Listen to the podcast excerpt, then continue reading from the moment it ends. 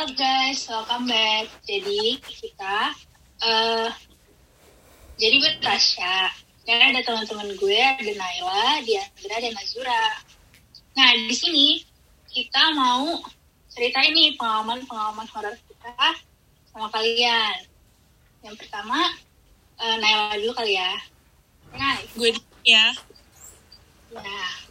ya nih jadi dulu tuh pas waktu kecil gue tuh kayak agak lebay sih sebenarnya di dengerinnya. Katanya nyokap sih gue tuh dulu pernah koma gitu.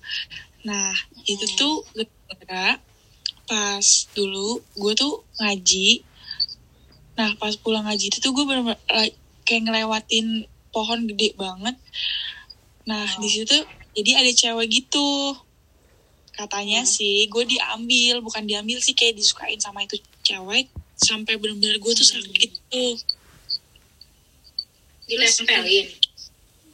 kenapa Kayak ketempelan gitu gak sih? iya kayak semacam ketempelan cuma parah banget Oh.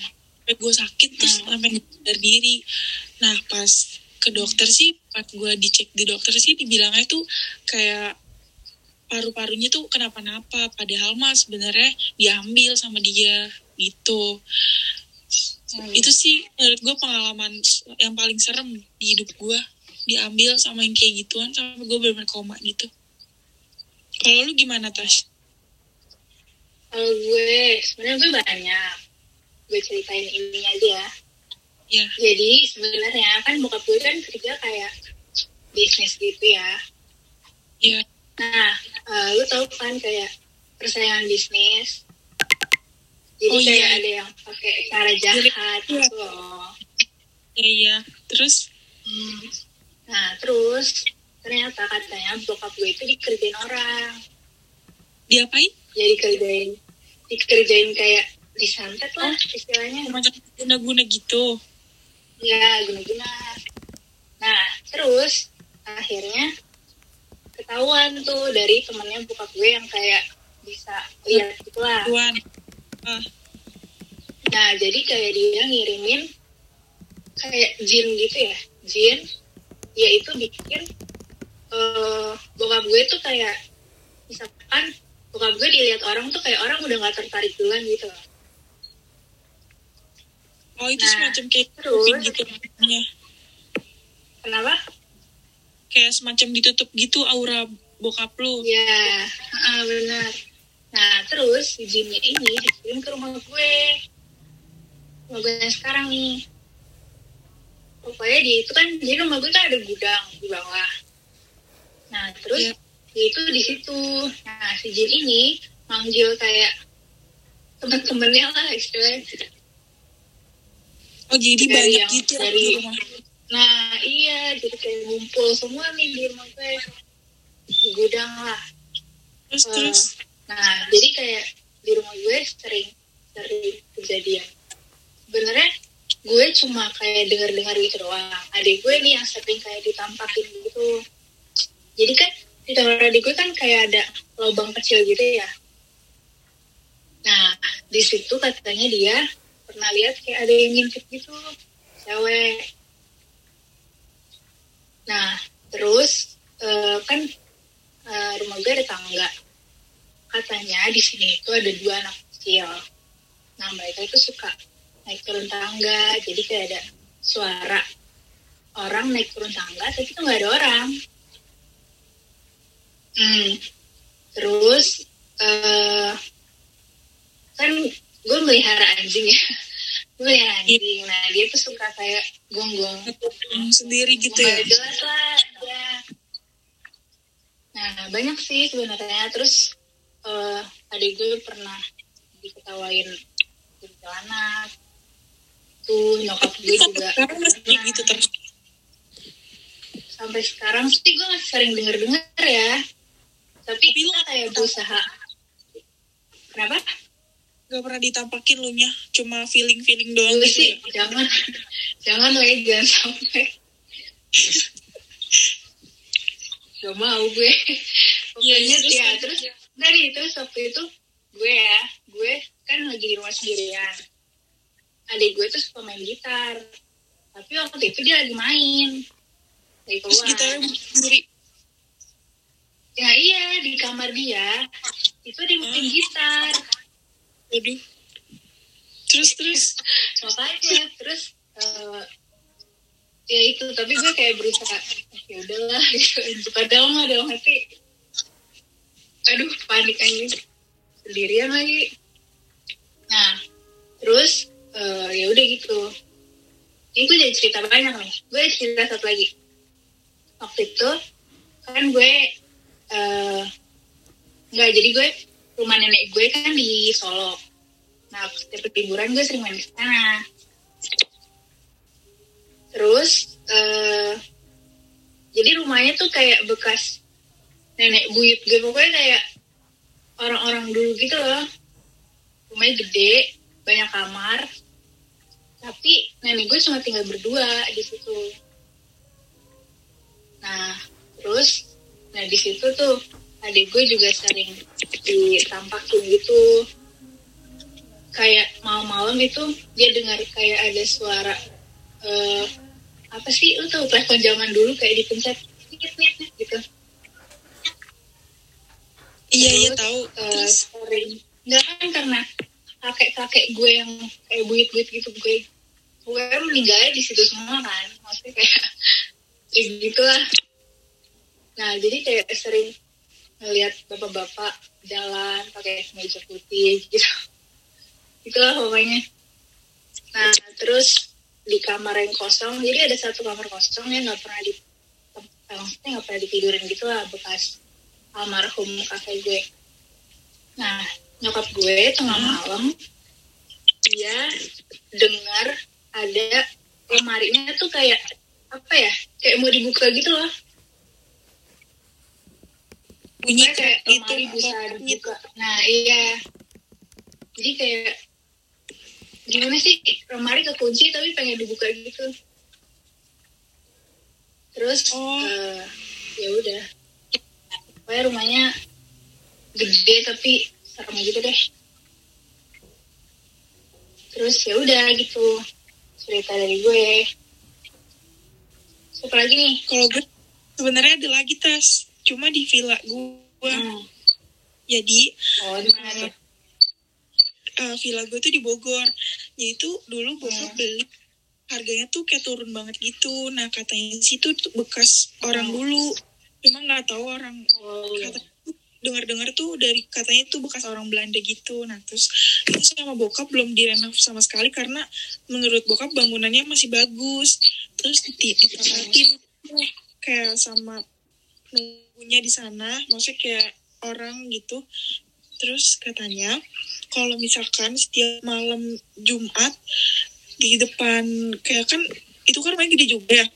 Nah di depan ruang punya itu di depan TV itu tuh suka ada darah tiba-tiba. Banyak banget. Terus kayak ngalir gitu. eh, ngalir gitu bener-bener ngalir. Darah bener-bener darah fresh gitu ngalir. Hmm. terus eh, yang nunggunya itu kan telepon bokap gue nanya gitu kan kayak ketakutan gitu. Terus ternyata pas dicari tahu dicari tahu lagi ternyata itu rumahnya di situ ada yang bunuh diri di depan percis depan ruang TV gue Hmm. bunuh dirinya kayak gimana? Masih ada. Katanya sih gara-gara suaminya selingkuh terus dia bunuh diri di situ. Oh. Terus sih cerita gue iya udah itu aja Hmm. yang lain ada nggak Diandra atau Zura ada nggak tuh Kalau gue waktu kecil nemu hantu. Jadi waktu itu gue eh, di villa gitu, villa tante gue. Terus main apa sih lagi main gitu kan. Itu umurnya lima tahun kalau nggak salah. Nah pas gue lagi main di terasnya gitu, gue lihat tuh putih-putih gitu. Putih-putih ada cewek gitu. Cantik banget. Terus tapi dia ngilang lagi gitu. Pas gua samperin dia kayak menjauh gitu kan. Ya udah tuh gua balik lagi. Nah siangnya itu siangnya pas sorenya dia muncul lagi. Pas gue deketin dia ngebalik dia nampakin mukanya gitu. Tapi serem banget gitu mukanya. Tapi badan badannya tuh cantik kayak apa ya kayak eh, kerajaan putri kerajaan gitu zaman dahulu gitu. Gitu. tapi mukanya serem. Itu gua itu kaget. lihat jelas? Iya lihat jelas. Itu dulu waktu kecil waktu lima tahun gitu. Hmm. Gitu. tapi gue nggak berani cerita ke orang tua. Cuman yang tahu gue doang Hmm. gitu. Udah itu doang sih. Kenapa nggak cerita? Ah. takut. Kalau diceritain? Sumpah. Nggak gue jadi berani. udah udah lari-lari gila. simpen aja lah di gua sendiri lah gitu. Nggak berani takutnya kan nih gitu kan eh apa kan Parno gitu kan bisa lihat lah gitulah ternyata sih makin dulu ke sini makin remaja sih udah nggak udah nggak lihat lagi lah gitu paling cuman kayak denger dengar suara gitu yang nangis gitu Iya, dengar dengan suara mah ini kali ya. iya Satu anjir. Eh, asal maaf. Terus, Sura nggak ada. Jura ada nggak Zur? Ada. Apa tuh? Apa? Ceritain lah.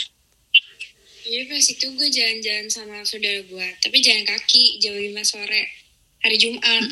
Kalau di Madura kan jam eh kalau di hari di Madura kan Jumat biasanya pada diem di rumah ya, karena hari raya Muslim itu. Tapi gue malah jalan-jalan. Jalannya tuh kan sepi banget jam 5 sore gitu lah. Terus kampungnya itu emang di dalam hutan, jadi masih banyak kayak pohon-pohon gede, hutan-hutan rimba gitu kan. Terus lampu juga, ya di kampung lampu juga jarang gitu kan. Terus ada rumah, kayak rumah kosong gitu. Awalnya nggak kenapa, pas sore mau baliknya sekitar setengah tujuh, otomatis sudah gelap gitu kan.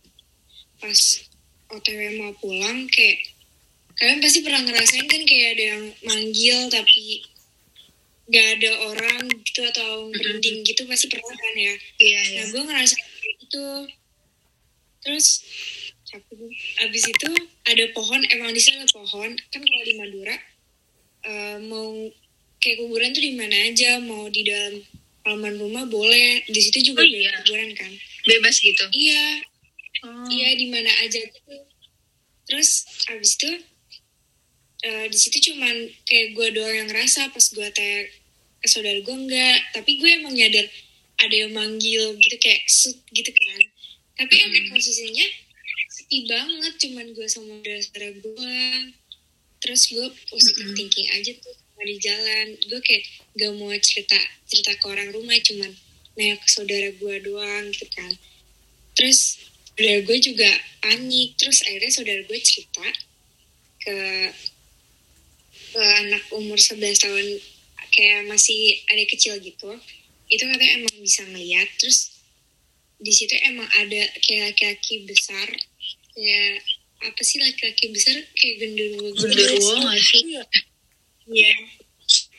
Terus terus terus eh, kayak di jalan tuh kita jalan emang semakin kencang gitu suaranya kayak manggilnya terus setelah saudara gue ngeliat nangis gitu kan terus langsung lari terus gue juga ditinggalin padahal gue takut tapi gue nggak mau lari kayak panik positif thinking gitu loh.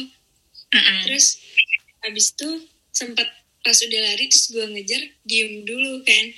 Terus abis itu kayak mikir lagi kayak ngeliat belakang langsung lari lagi. Terus tiba-tiba ada kayak jatuh gitu loh kayak ranting jatuh pasti auto panik juga kan kayak yang Iya. apa panik juga kan. Terus kayak ada kuburan lagi. Pokoknya emang di Madura tuh kuburan mau di mana aja gitu. Iya ya gimana nggak takut panik habis itu sepi gitu kan.